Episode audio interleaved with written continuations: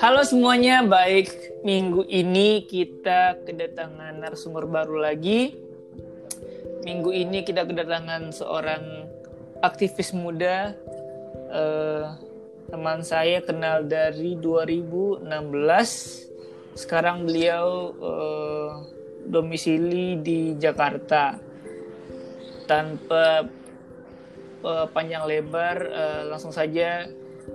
Ini gue manggilnya Mas apa Pak Bintang aja, panggil Bintang. nama aja. Bintang aja siap siap. Bintang Siregar. Bener kan Pak ya? Iya, iya, iya. Uh, benar-benar. Saya dulu Pak buat teman-teman yang dengerin podcast kita.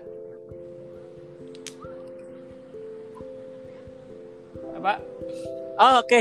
Sorry, sorry. ya, teman-teman, selamat malam semuanya. Kenalkan saya Bintang Sregar ya, biasa dipanggil Bintang lah gitu.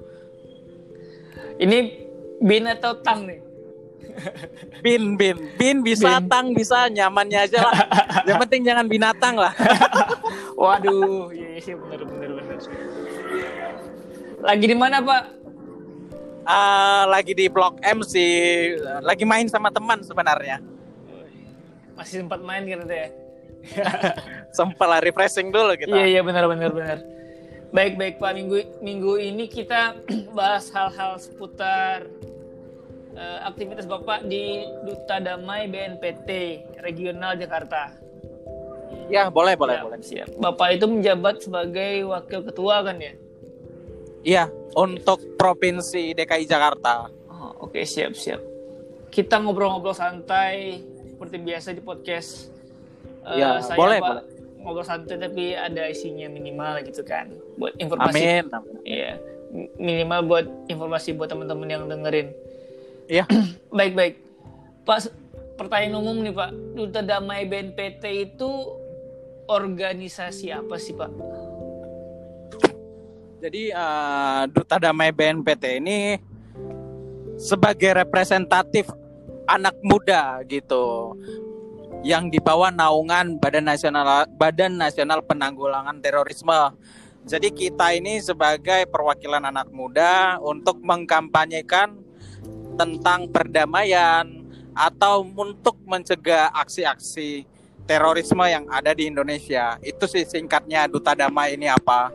Hmm, Oke oke oke. Kalau tahu Bapak bergabung di Duta Damai itu sejak kapan? Sudah cukup lama sih dari 2018. Udah ada Oh. dua tahun lah. Oh, cukup Dua lama tahun. juga ya. Cukup lama juga ya. Oke oke.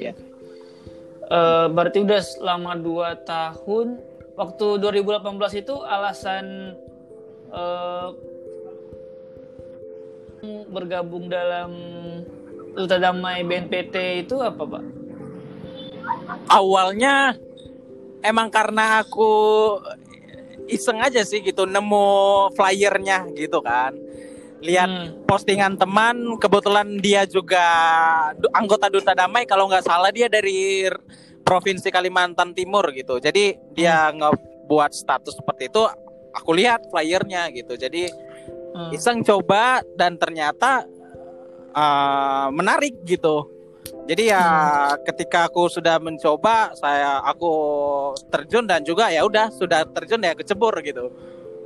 Hmm. Sebenarnya misi-misi misi besar dari Duta Damai ini apa sih, Pak? Yang pasti visinya Duta Damai ini kita visi Ah. besarnya ya. Yang pasti Iya, iya. untuk mencegah paham-paham radikalisme gitu. Kenapa? Karena Hmm. Kita tahu sendiri mereka yang berpaham radikalisme ini kita bilang kelompok terorisme ini mereka itu sudah masuk ke ranah anak muda dan juga Hmm. mereka itu nggak hanya sekedar doktrin secara offline tapi mereka Hmm. mendoktrin itu dengan media-media sosial. Nah, dari karena itu peran Duta Damai hadir di media sosial ataupun di media offline untuk mengajak anak muda jangan sampai berpaham seperti itu. Seperti eh, paham-paham radikalisme ataupun intoleran. Itu yang kita cegah supaya tidak terjadi eh, perpecahan di bangsa Indonesia ini sih. Oke oke. Kalau kalau boleh boleh aku uh, sempit nih Pak, secara konkret itu seperti apa sih Pak cara mencegahnya itu dari duta damainya sendiri? Nah, jadi kita di duta damai ini ada tiga bidang.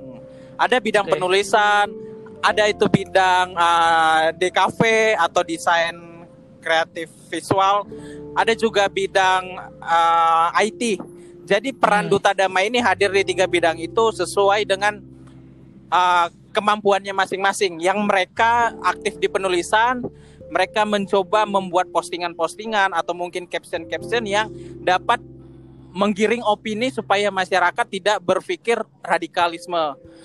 Yang dengan uh, desain mereka mungkin bisa mencoba membuat poster-poster atau mungkin komik gitu yang mereka uh, itu mengajak perdamaian atau yang menyejukkan lah yang bukan untuk membuat onar karena kita tahu sendiri mereka juga suka membuat uh, poster-poster atau komik yang mengajak masyarakat untuk berpikir uh, intoleran gitu kan.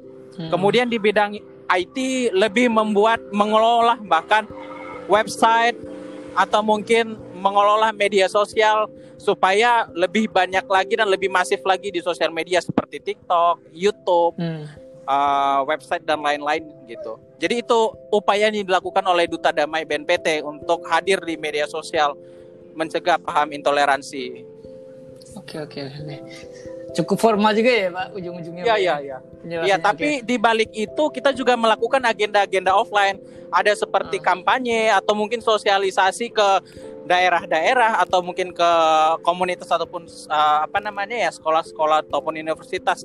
Nah itu hmm. agenda-agenda offline yang juga kita lakukan karena kita nggak hanya online tapi juga kita lakukan offline untuk uh, mencegah paham radikalisme itu. Benar-benar. Selain di Jakarta, Duta Damai ini tersebar di semua provinsi apa bagaimana Pak? Nah jadi kita Duta Damai uh, BNPT ini saat ini kita ada di 13 provinsi, termasuk hmm. salah satunya Sumatera Barat. Oke. Okay, di Sumatera okay. Barat juga kita ada perwakilan. Mungkin hmm. nanti dari Mas Yayo bisa coba aku kasih kontaknya bisa coba koordinasi ke teman-teman Sumatera Barat. Kemudian siap, ada siap, dari siap. Sumatera Utara, Jakarta, Banten, Jawa Barat, Jawa Tengah, Jogja, Jawa Timur, Kaltim, Kalsel, NTB, Sulawesi Selatan dan juga Sulawesi Utara. Baru 13 provinsi sih. Cuman harapannya hmm. ke depan kita bisa coba ekspansi ke beberapa provinsi lainnya gitu. Hmm, benar benar benar. Agar ini uh, aku boleh ngasih nampak sedikit ya Pak ya. Dari ya. apa yang Bapak jelaskan itu cukup menarik apalagi di situasi yang seperti sekarang kan ya. Setiap orang bisa aja melakukan intoleran terhadap orang lain gitu kan. Ini visi yang cukup baik. Ya ya ya. Tapi ini nggak kedengaran terlalu ribut ya? Aman dikit ya kok. Dikit dikit aman aman ada target nggak pak tahun tahun depan mau akan berapa provinsi dulu gitu Nah, kalau itu itu semua kembali ke organisasinya lembaga oh, ke map ke lembaganya langsung BNPT karena yang punya hak untuk memperluas itu mereka. Kita hanya bisa membantu mereka BNPT untuk me, apa ya bersinergi lah dengan pemerintah untuk menyelesaikan tugas-tugas mereka gitu. Oke oke. Selama Bapak uh, dua tahun di Duta Damai BNPT uh, apa sih Pak tantangan yang dialami selama menjalankan program yang telah disusun itu? Yang pasti yang sudah biasa dialami semua organisasi pasti uh, apa ya?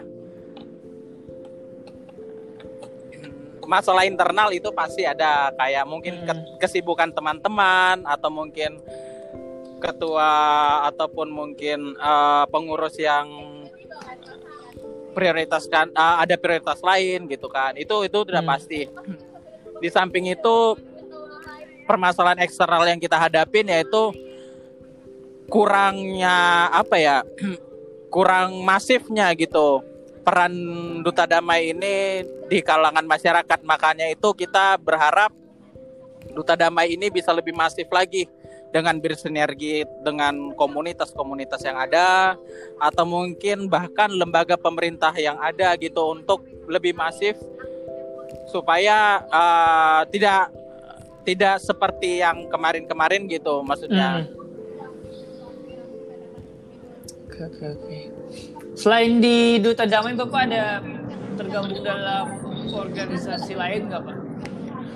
Ada beberapa organisasi kepemudaan.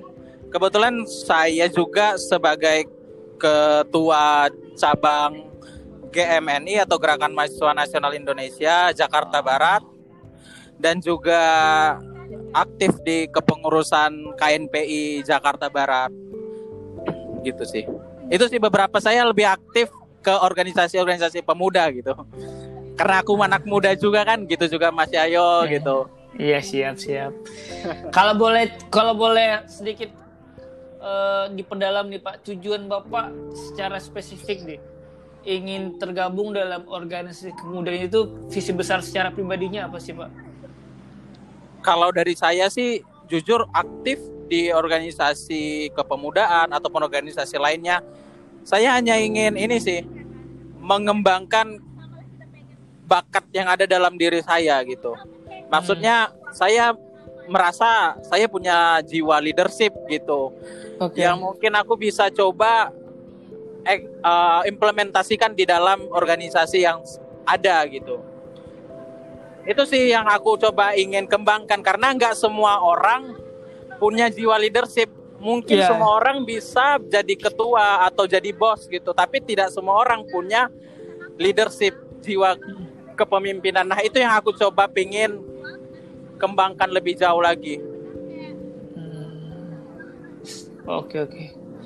Secara pribadi se- kita geser sedikit nih Pak ke ranah yang lebih luas. Ya. Secara secara Bapak pribadi melihat Indonesia eh, 10 atau 20 tahun lagi itu akan menjadi negara yang seperti apa sih Pak? Kalau aku lihat ya Indonesia di eh, waktu yang mungkin 20 atau 10 atau 20 tahun lagi Indonesia ini luar biasa gitu. Maksudnya aku lihat itu dari anak mudanya, dari generasi muda maksudnya ya. Bahkan dari generasi eh, yang di atas kita gitu. Semuanya punya jiwa semangat untuk bangun Indonesia. Tapi yang saya khawatirkan apabila dibangun hanya untuk kepentingan pribadi atau mungkin kepentingan golongan, ini Indonesia akan menjadi negara yang yang hancur gitu. Aku bilang gitu. Kenapa? Karena kita bisa lihat sekarang eh, terjadi banyak korupsi atau mungkin Hmm. suap menyuap gitu. Itu semua bisa dirubah gitu apabila anak mudanya khusus bisa memiliki dan berperan aktif itu untuk merubah sistem yang sekarang ini ada gitu. Tapi aku tidak mem- mengatakan kalau sekarang ini pemerintahan sekarang ini buruk. Hmm. Cuman perlu evaluasi yang dilakukan khususnya anak muda untuk 10 sampai 20 tahun ke depan nanti gitu sih. Oke oke.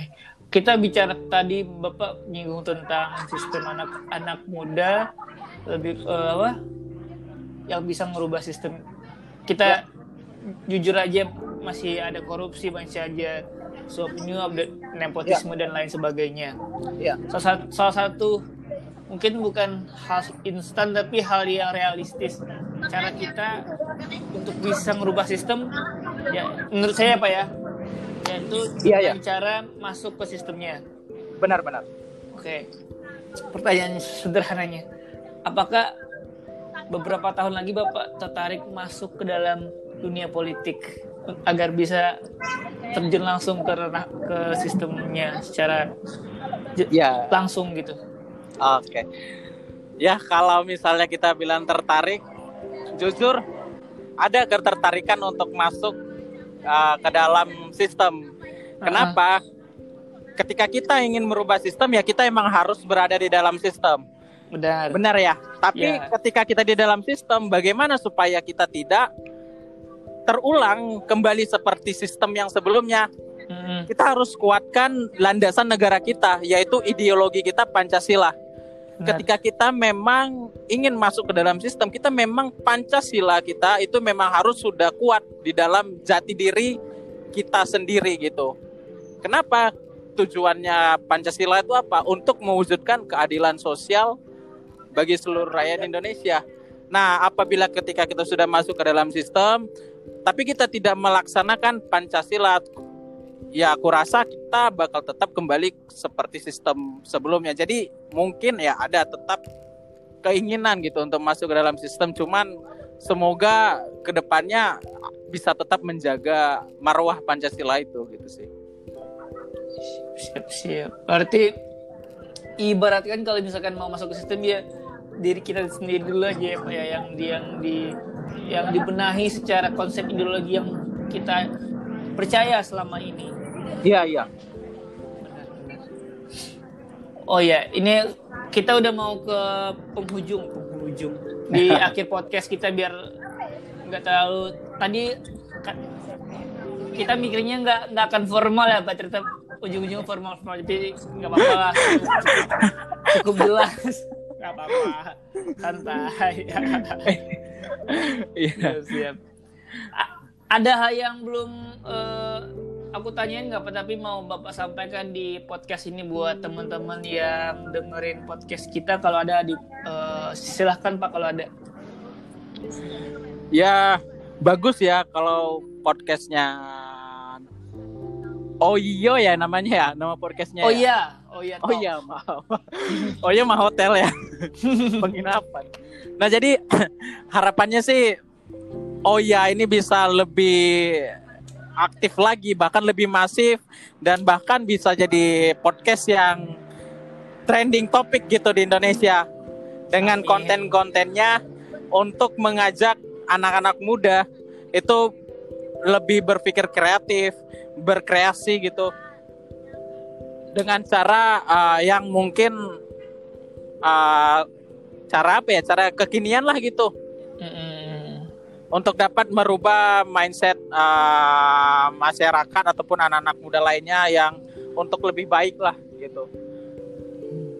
Ya harapannya ke depan juga terkait uh, duta damai ya gitu. Maksudnya karena kita saya mewakili duta damai Mm-mm. semua teman-teman yang mendengarkan podcast ini bisa tetap menjaga keutuhan NKRI khususnya ideologi Pancasila. Karena Pancasila ini sudah ideologi mutlak tidak bisa diganti untuk Indonesia. Karena dengan adanya Pancasila kita bisa berkumpul dari seluruh Sabang sampai Merauke dari serag- segala ragam adat budaya bahkan agama. Jadi Pancasila ini merupakan suatu ideologi yang luar biasa.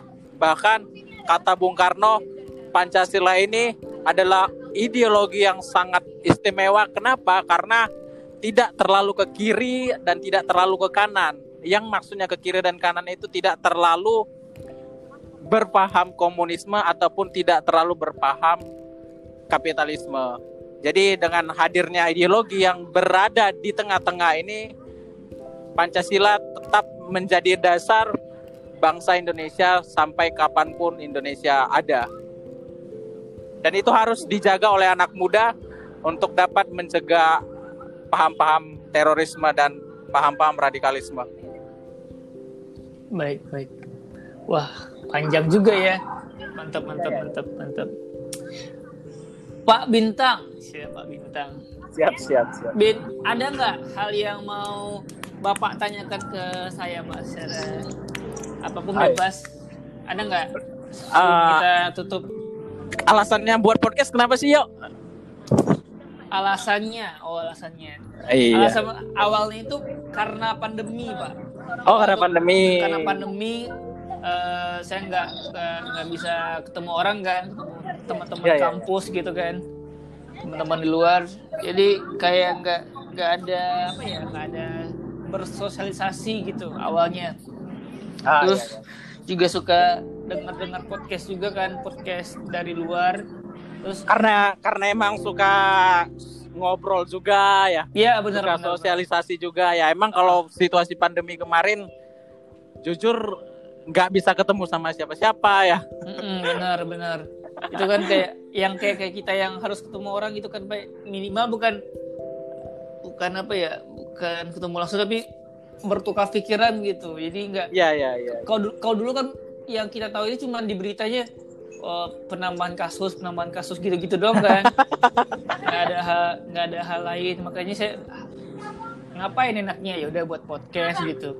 Minimal buat ngasih-ngasih informasi buat teman-teman yang dengerin podcast ini setiap minggunya.